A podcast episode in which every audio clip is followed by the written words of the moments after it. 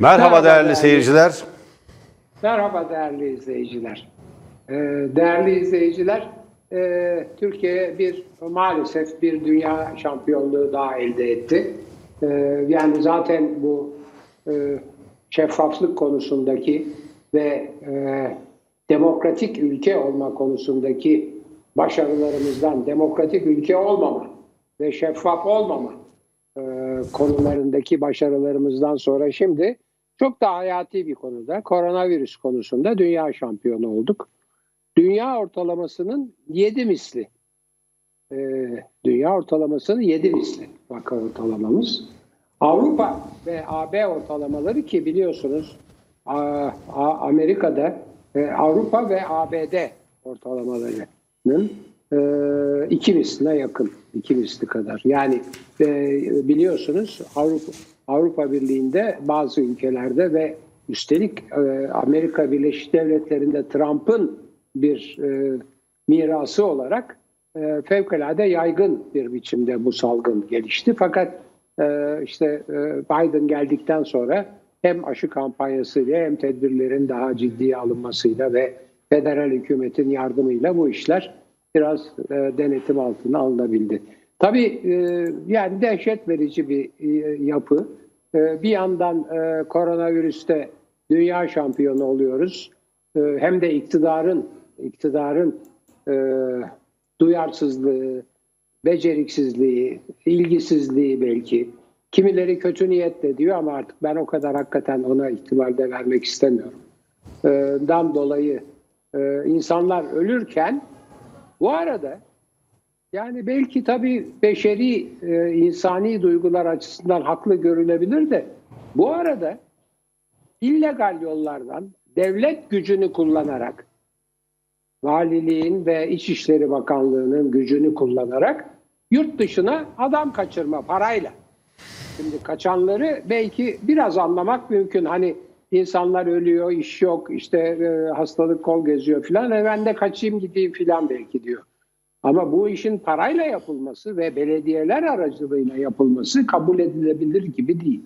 Aynı biçimde Ok Meydanı'nda efendim kentsel yenileme filan adıyla bir takım insanlar silah çekerek Amerika filmlerinde hani olur ya böyle kötü şeyler yatırımcılar gelir halka baskı yaparlar filan öyle bir olay yaşanıyor. Yani bunlar çok ayıp, çok ayıp ve insanın hakikaten e, kabul edemeyeceği şeyler. Bu arada Kıbrıslı kardeşlerimiz tabii laiklikte direniyorlar ama onlara da baskı gittikçe artıyor. E, amiraller olayı bir başka e, yürek sızısı halinde. Yani e, ömürlerini bu devlete, bu millete e, hizmetle adamış olan bu amiraller e, üstelik de Ergenekon ve Balyoz davalarında e, çağrıldıkları zaman yurt dışından bir kumpasa konu olduklarını ve hapse atılacaklarını bile bile gelip teslim olmuş olan bir, bu gruptaki insanlar ayaklarına kelepçe bağlanıyor. Bu arada Müyesser Yıldız'ın bir yazısından öğreniyoruz ki e, bir başka olayda e, mahkemenin adli işte e, adli takiple bıraktığı, adli denetimle bıraktığı iki sanık yok ortada. Ve ve dehşet verici bir başka haber daha. Yine bir belediye, bir MHP'li belediye bu sefer marifeti ee, kendisine İstanbul Belediyesi tarafından yollanan 100 tane atın bir tanesi ölmüş, 99 tanesi bulunmuyor. Üstelik de bu atlar çipli. Yani böyle dehşet verici bir durumdayız. Şimdi ben o bu e, koronavirüs konusunda hemen e, beni yolda görenlerin e, veya telefon edenlerin, elektronik posta yollayanların falan sorduğu birkaç birkaç soru var. Hemen onlara bir, birkaçına değineceğim. Hepsi çok uzun sorular.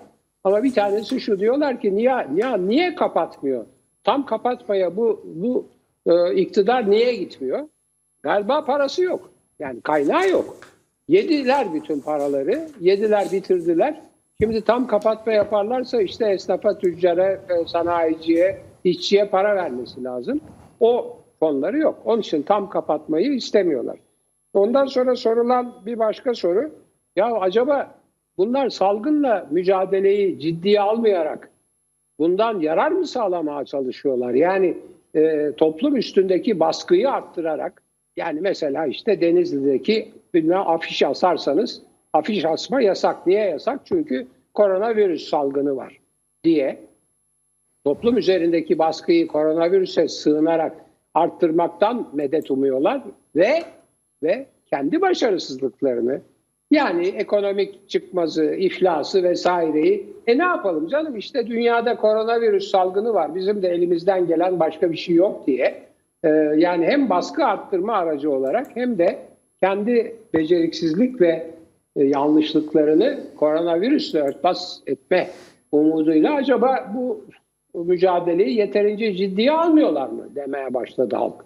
Çünkü yani o kadar belirgin bir biçimde fırladı ki yani e, tabii bunun bunun nedeni bu soruların nedeni bu özellikle ikinci sorunun nedeni e, iktidar partisinin e, kapalı kon, kongre salonlarında onların deyimiyle söylüyorum lebalep yani balık istifi olan insanların üstelik de vurgulayarak söylediler salgına rağmen lebalep doldurulmuş kongrelerin yapılmış olması ve o kongrelere bütün Türkiye'den insanların gelip bir arada olup etkileşim yapıp virüs alışverişinde bulunduktan sonra tekrar geldikleri yerlere dağılmaları. Yani e, böyle bir e, bakıldığı zaman ya hakikaten yani bu, bu ihmal midir? Bu dikkatsizlik midir? Yani insanlar hakikaten bu olayların altında bir takım niyetler aramaya başladılar. Ben doğrusu çok üzülüyorum. Bunları ama dile getirmekte zorundayız. Çünkü bizim işimiz kamuoyunu yansıtmak diyorum Sayın Yanardağ. Teşekkür ederim hocam. Evet e, doğru.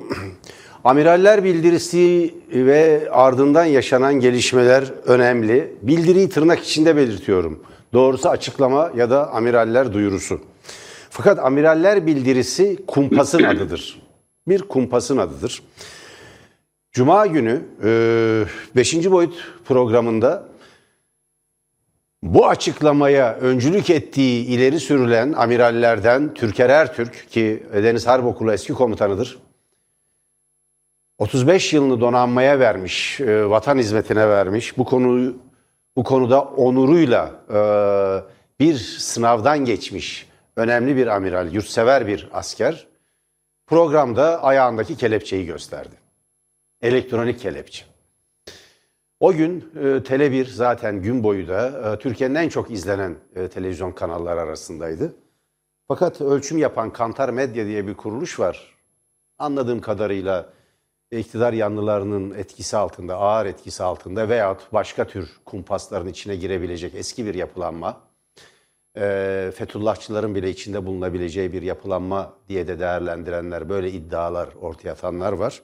Onları bir yana bırakıyorum. Onların sonuçları ne olursa olsun Türkiye'de herkes ona odaklandı. Daha sonra Fox TV, Sözcü Gazetesi, Cumhuriyet Gazetesi, birçok gazete o programı haber yaptı. Şimdi bugün Cem Gürdeniz, e, emekli tüm amiral Cem Gürdeniz'e de e, elektronik kelepçe takılmış.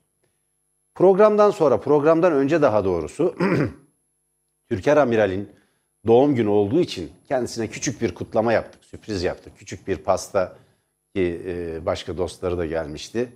Ve işte çay, kahve eşliğinde e, iftardan sonra küçük bir e, kutlama yaptık kendisine. Bugün Sami Selçuk Cumhuriyet Gazetesi'nde çok önemli bir yazı yazdı. Sami Selçuk bir hukuk profesörü, Profesör Doktor Sami Selçuk. Yargıtay e, eski başkanı. Bu sıfatları önemli. E, bu yazıda yani ikinci sayfada e, yer alan e, olaylar ve görüşler sayfasında yer alan yazı önemli. Birkaç nokta var. Bunu okumak istiyorum Sayın Sami Selçuk'un.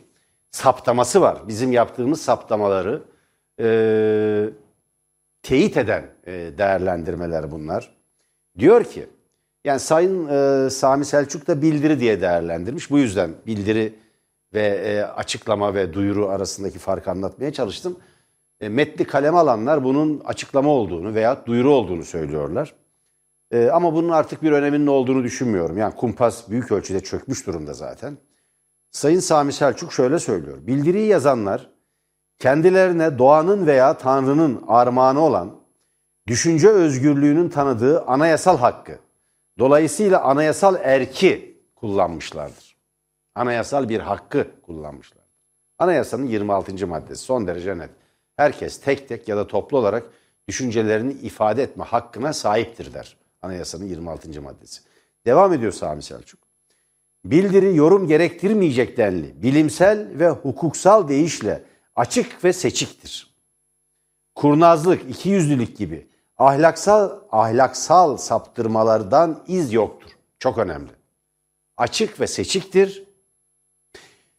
Kurnazlık, ikiyüzlülük gibi ahlaksal saptırmalardan iz yoktur. Mertçe kalem alınmıştır.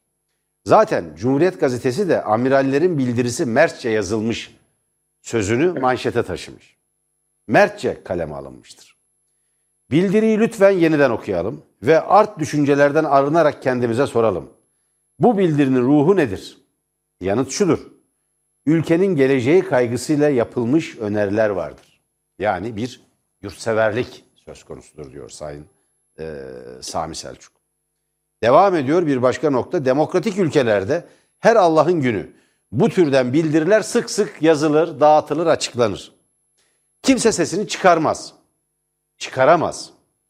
Çünkü çocuk bile sütünü emerken süt yetmezse tepki vermektedir. Doğaldır her yurttaşın doğru gitmeyen bir konuda kendi düşüncelerini tek tek ya da toplu olarak açıklaması diyor. Savunma, iddia veya karar makamlarında yer alan avukatlar, savcılar ve yargıçlar dış dünyadaki dedikodulara kulaklarını ve vicdanlarını kapamalı, metnin içinde kalmalıdırlar diye öneriyor yargılamayı yapacakları. Böyle durumlarda savcıların imdadına yetişen bir kurum 2017 yılında ceza yargılama yasasına girmiştir.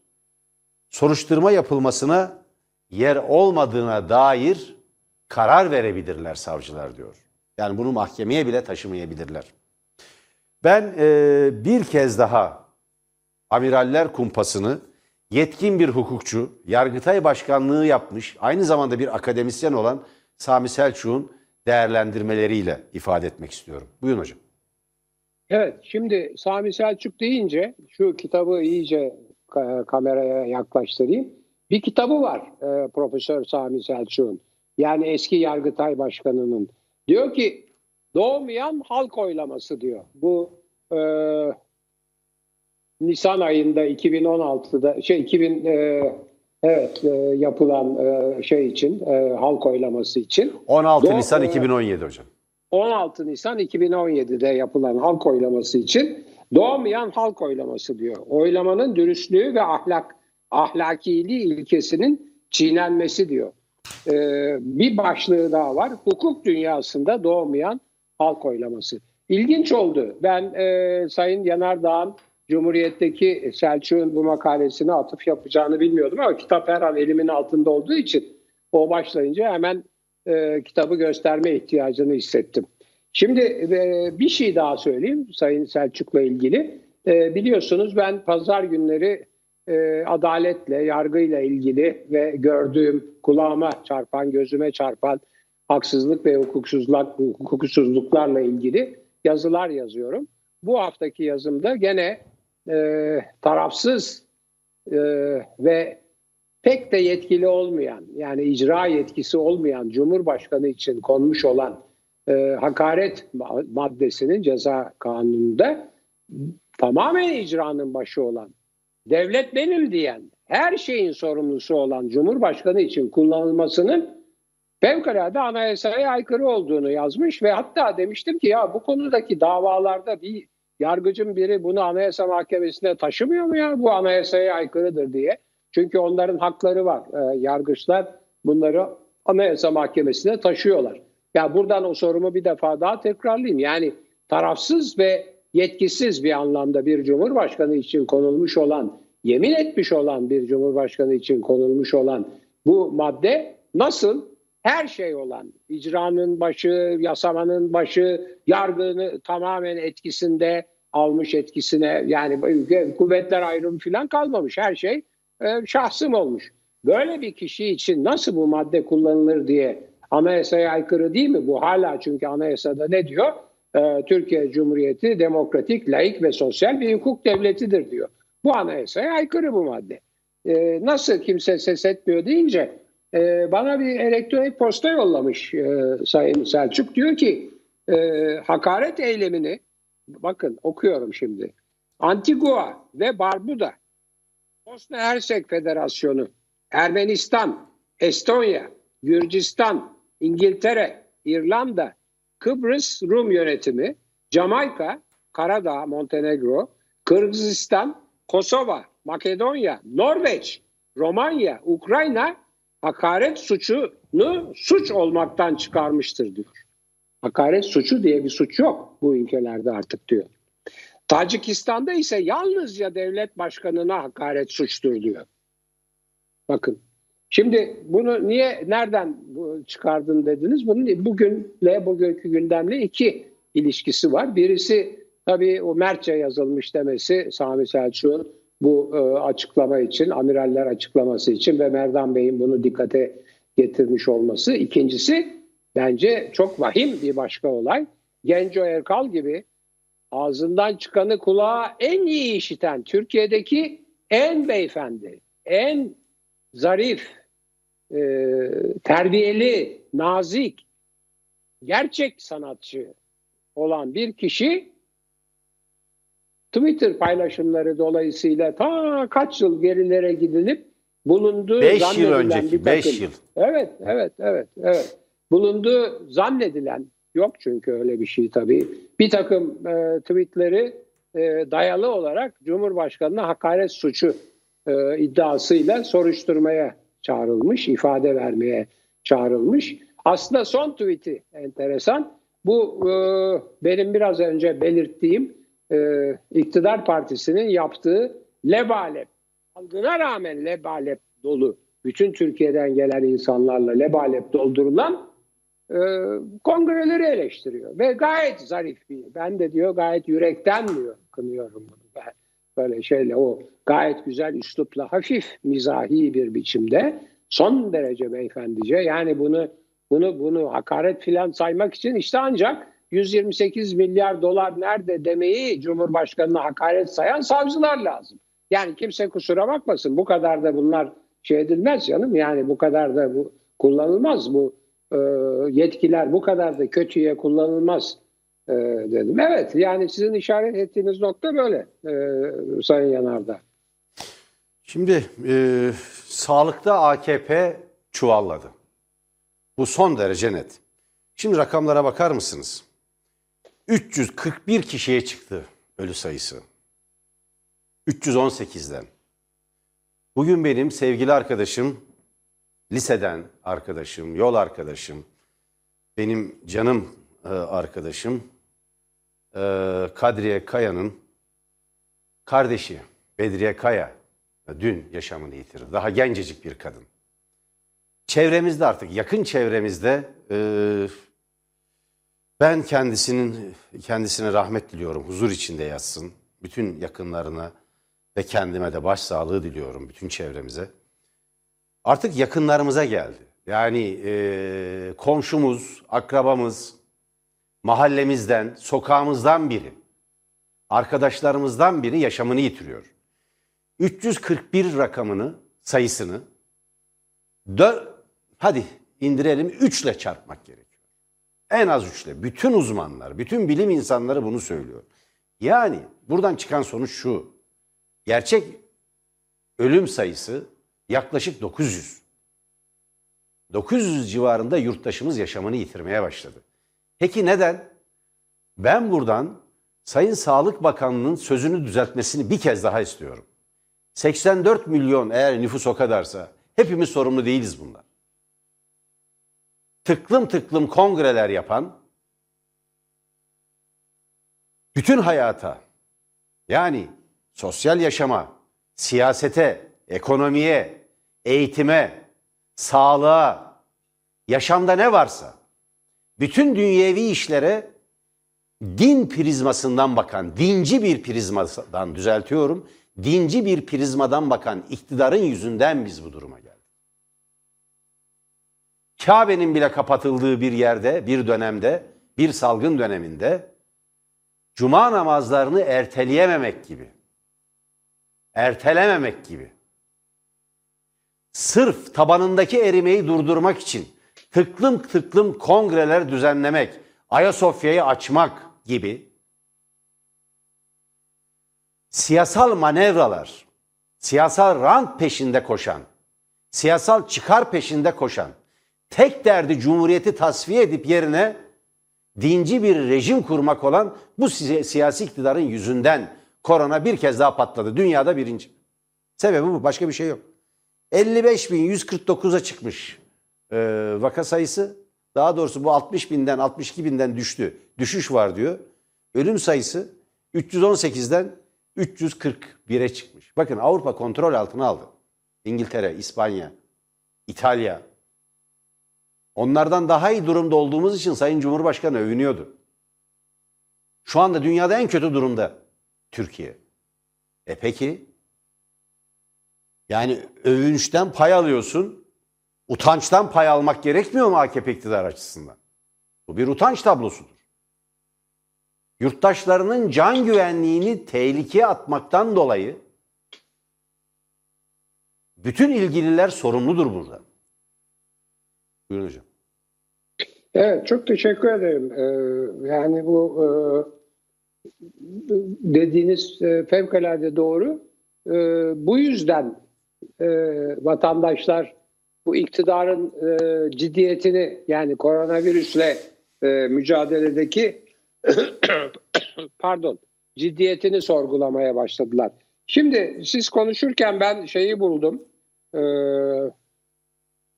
Genco Erkal'ın bugün e, savcıya verdiği ifadenin kendi e, Twitter e, hesabından e, atılmış olan e, metnini buldum. Okuyorum. Bir sanatçı Genco Erkal Cumhurbaşkanı'na hakaret e, suçlamasıyla belli tweetlerini e, örnek gösteri belli tweetleri örnek gösterilerek ifadeye çağrılmış. Okuyorum. Kısa, çok kısa. Müsaade ederseniz tabii. Tabii. E, tamam. Evet diyor. Bu paylaşımlar benimdir. 60 yıldır politik tiyatro yapıyorum. Dünyada ve ülkemizde gördüğüm haksızlıkları, baskıları, adaletsizliği, bağnazlığı eleştiriyorum. Doğal olarak bu duruşumla askeri ve sivil tutucu iktidarları rahatsız ediyorum. Askeri ve sivil tutucu iktidarları rahatsız ediyorum. Bu benim görevim. Bir yararı olacağını düşünmediğimden hiçbir zaman hakaret yoluna başvurmadım. İşte bu. Beyefendilik bu. Yararı yok. Hakaret etmenin hiçbir anlamı yok ki. Ben de niçin hiç hakaret etmem insanlara aynı sebeple. Bravo Genco Erkal. İşte insanlık, insanlık dersi veriyor. Başkanlık sistemine karşıyım. Devam ediyor. Başkanlık sistemine karşıyım. İfade özgürlüğünün kısıtlanmasına, insanların düşünceleri yüzünden hapis yatmasına karşıyım. Evet. Doğanın yok edilmesine, betonlaşmasına karşıyım. Yoksulları daha yoksul kılan çarpık ekonomik düzene karşıyım. Laik bir ülkede din olgusunun sürekli öne çıkarılmasına, siyasi malzeme olarak kullanılmasına karşıyım. Bunları hem sahnede hem de sosyal medyada sürekli anlatıyorum. Ama asla hakaret yok. Paylaşımlarımın neresinde Cumhurbaşkanı'na hakaret görülmüş anlayabilmiş değilim diyor. Bir de şeyi var, ifadesi var, videoya alınmış ama ben onu artık e, burada e, zikretmeyeceğim ama kendisine soruyorlar nedir bu suçlamalar diyor ya bunlar diyor hiç ilgisi yok saçma şeyler filan diye cevap veriyor. Yani bir yandan koronavirüsle dünya birincisi oluyoruz mücadelemizin başarısızlığından koronavirüs o olaylarında bir yandan da bunlarla uğraşıyoruz. El insaf yani ne diyeyim. Şimdi e, Sağlık Bakanlığı'nın Türkiye'de sağlık sisteminin neden bu durumda olduğuna herhalde menzilci doktor Ali Edizer e, gayet iyi bir örnek. Şimdi Twitter'dan söz ettiniz hocam. Twitter mesajı var Ali Edizer'in. Bu buharlaşan 128 milyar dolarla ilgili. İnsanlar soruyor 128 milyar dolar nerede? Biz de buradan soruyoruz ve sormaya da devam edeceğiz. Hatta bu e, yandaş medyanın e, takalarından biri olan e, amiral gemileri kalmadığı için amiral gemisi Tele1 Türkiye'de medyanın onu belirtelim. Tele1'dir amiral gemisi. Habercilikte de, yorumda da, analizde de, öncü yayıncılıkta da, cesarette de, totaliter rejim arayışlarına karşı sergilediği yayıncılıkta, duruşta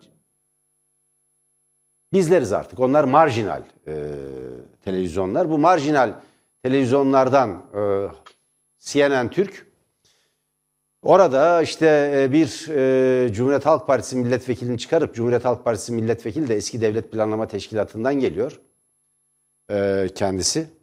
Bir söz söylüyor. Diyor ki ya Merkez Bankası'nın kayıtlarında vardır bunlar. Merkez Bankası'nın kayıtlarında vardır. Bunlar ortaya çıkar. Yani kaybolmaz hiçbir şey diyor. Yani söylemek istediği şey şu. Yani o kayıtlara Tabii. bakılır, sorumlular bulunur diyor. Evet, evet. Söylediği şey bu. Ve zaten açıklanmasını bizim istediğimiz de o. O kayıtları açıklayın diyoruz. Kimlere sattın?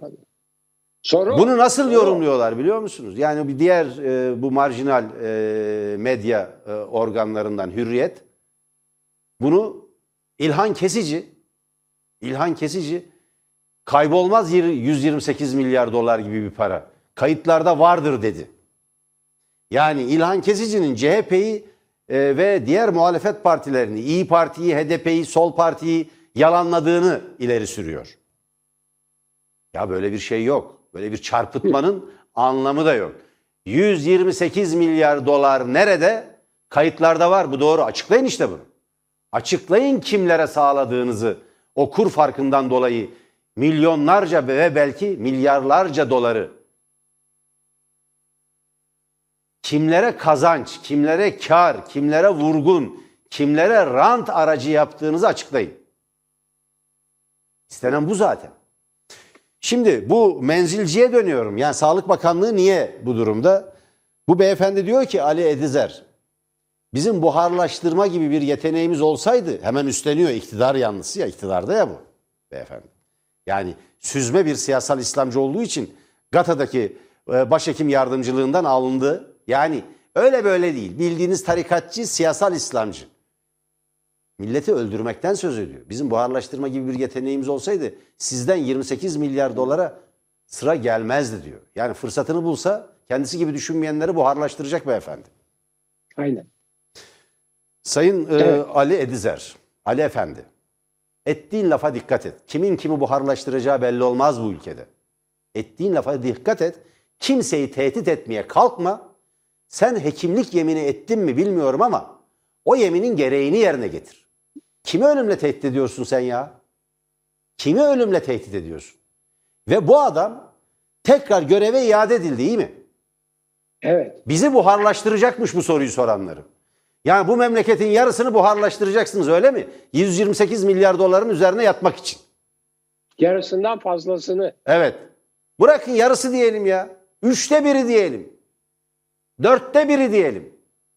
Bir kişiyi diyelim. Kimi tehdit ediyorsunuz siz? Herkesi buharlaştırı yani buharlaştırmak gibi bir yetenekler olsaymış bizden başlayacakmış beyefendi. Vallahi kimin kılıcı keskin o çok belli olmaz. Bu kadar efelenmeyin. Güvendiğiniz dağlara kar yağar yarın bir gün. Elde ettiğiniz mevzilerin bir iskambil destesi gibi dağıldığını, yere serildiğini görürsünüz. Bunu yapmayın. Milleti kim ve düşmanlığa tahrik etmeyin. Suç işliyorsunuz. Hukuksal bakımdan suç işliyorsunuz. Siyasal bakımdan suç işliyorsunuz. Ahlaki bakımdan suç işliyorsunuz. Tehdit ediyorsunuz ya.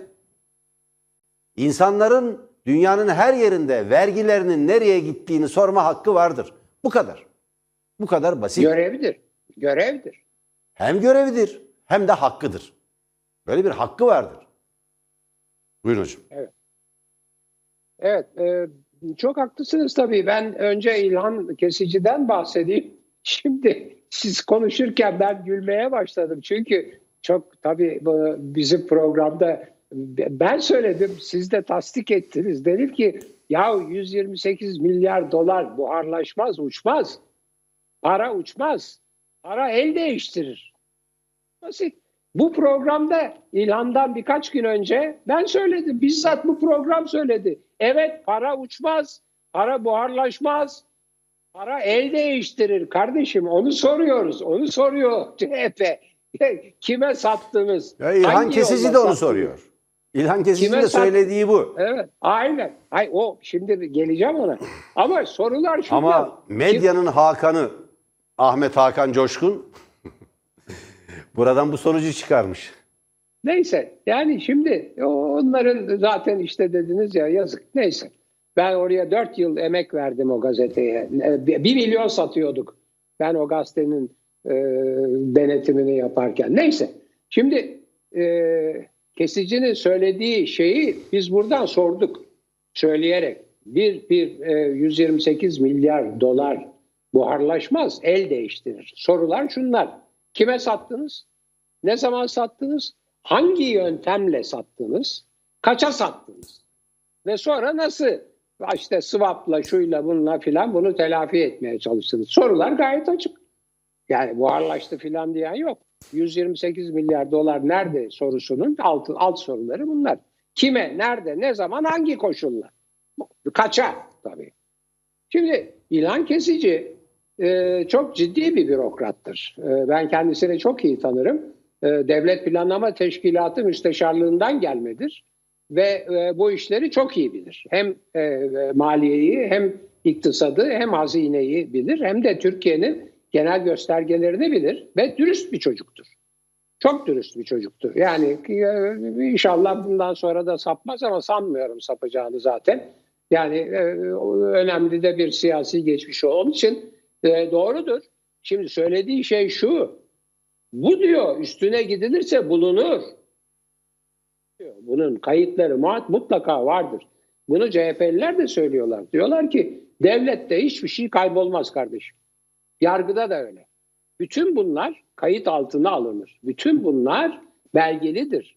Bir gün gelir o iktidarda bulunanlar ayrıldıkları zaman bütün bunlar teker teker ortaya çıkar ve eğer bir yolsuzluk, bir haksızlık, bir hukuksuzluk, bir bir bir münasebetsizlik varsa bunların hepsi öğrenilir. İlhan'ın söylediği bu. Ee, Ben kendisini buradan e, destekliyorum ve tebrik de ediyorum. Doğru söylemiş. Zaten ondan beklenen şey de budur. Şimdi gelelim o e, buharlaştırma meselesine. Yani bunların maalesef bu tür e, tarikatçı ve siyasal e, dincilerin e, bir bir e, şeyleri var. Bir saplantıları, iki saplantıları var aslında. Birisi kadındır, bir tanesi de öldürmektir. Maalesef. Bu, bu zat da işte onlardan her ikisinin de sözcüsüdür. Hatırlayın ilk söylediği şey de bir takım evlenmeler vesaireler üzerine bir şeydi. Onun üzerine alındı. Yani e, evlilik, e, eş vesaire üzerine bir yorumlar yapmıştı. Onun üzerine görevden alındı. Şimdi de öldürmek üzerine yapıyor. Yazık yani bu ilkel hala Türkiye yani e, yani bin yıl belki neyse efendim. Evet efendim. Evet işte böyle. Şimdi tuhaf bir insan kaçakçılığıyla karşı karşıya Türkiye. Günün en önemli haberlerinden biri değerli seyirciler. Ee, biz de e, Tele1 Ana Haber'de ilk haber yaptık. AKP'li belediyeler bazı başka belediyelerin de adının karıştığı belirtiliyor. Yani CHP'li bazı ilçe belediyelerinde adı geçiyor ama kesinleşmiş değil. Ve Diyanet İşleri, Diyanet İşleri'nin resmi olarak insan kaçakçılığı yaptığına dair ortada somut ve tartışılmaz kanıtlar var. Bazı AKP'li belediyeler ki genellikle uzak illerin beldeleri, ilçe belediyeleri üzerinden yapılıyor bu. Böyle 40 kişilik, 50 kişilik yurt dışı seyahatleri düzenleyip onları belediye çalışanı gibi gösterip gri pasaportlar çıkartıyorlar. Böylece vize zorunluluğu ortadan kalkıyor.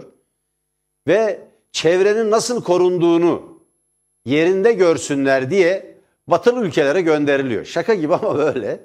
Almanya'ya, Fransa'ya, İsviçre'ye buralara gönderiliyor. Mesela 49 kişi gidiyorlar, 2 kişi geliyorlar.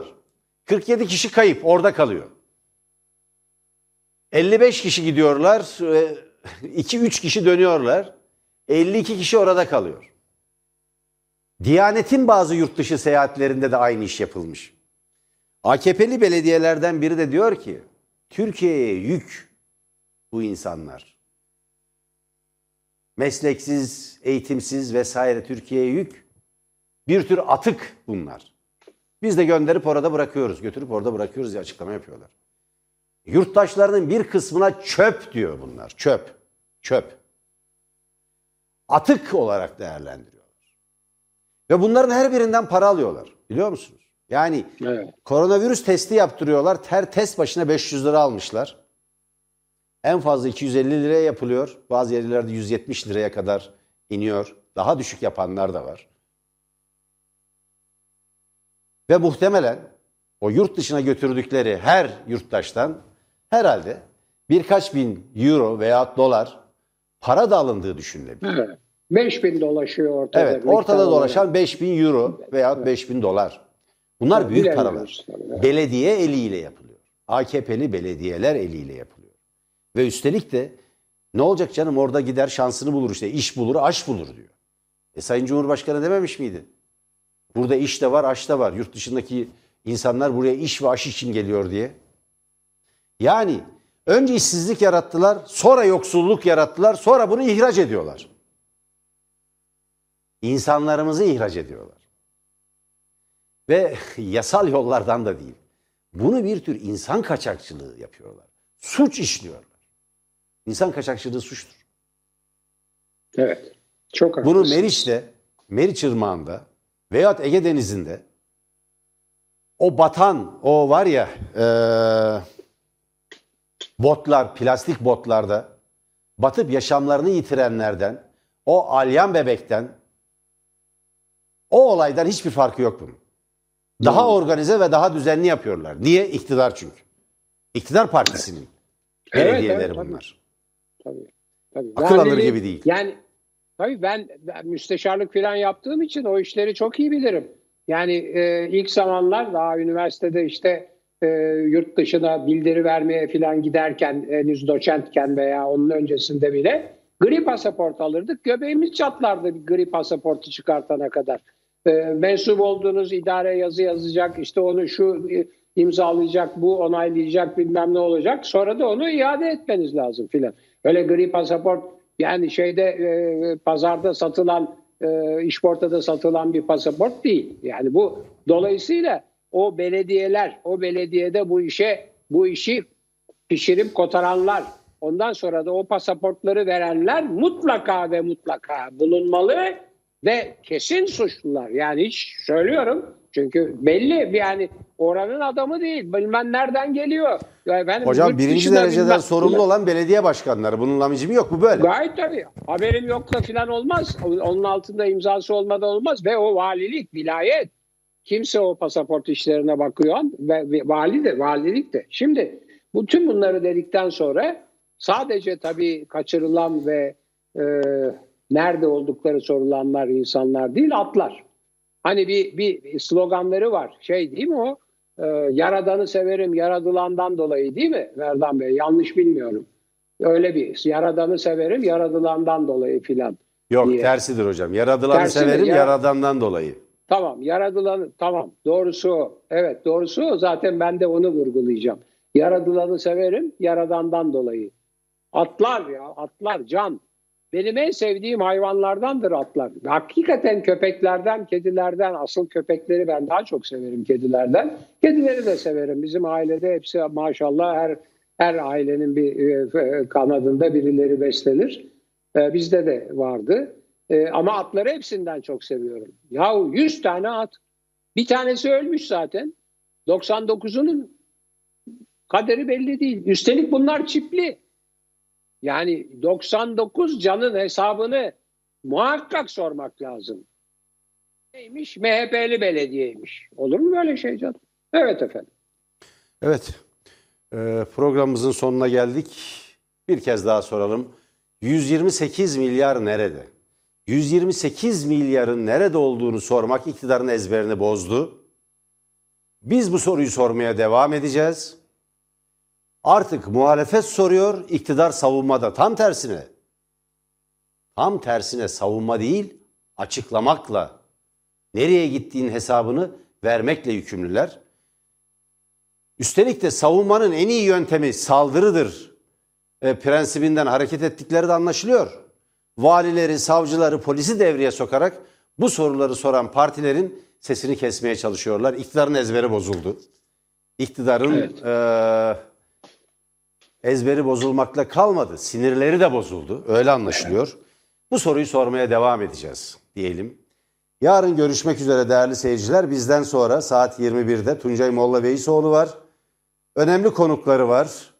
Gündemdeki bütün konuları, önemli konuları masaya yatıracaklar. Profesör Doktor Esin Davutoğlu Şenol. Pandemideki patlamayı, koronavirüsteki patlamayı değerlendirecek. Anayasa hukuku uzmanı Profesör Doktor Süheyl Batum. Amiraller bildirisi başta olmak üzere Türkiye'deki bir dizi gelişmeyi değerlendirecek. Cumhuriyet Halk Partisi e, milletvekillerinden, eski milletvekillerinden hukukçu, siyaset adamı Haluk Pekşen, diğer konuk ve önemli bir gazeteci daha var. Tuncay Molla Veysoğlu ile birlikte programı sürükleyecek olan gazeteci, televizyon programcısı, yazar Uğur Dündar. Her pazartesi günü Tele1 ekranlarında size günü ve gündemi değerlendiriyorlar. Kaçırmayın derim. Evet. Görüşmek üzere.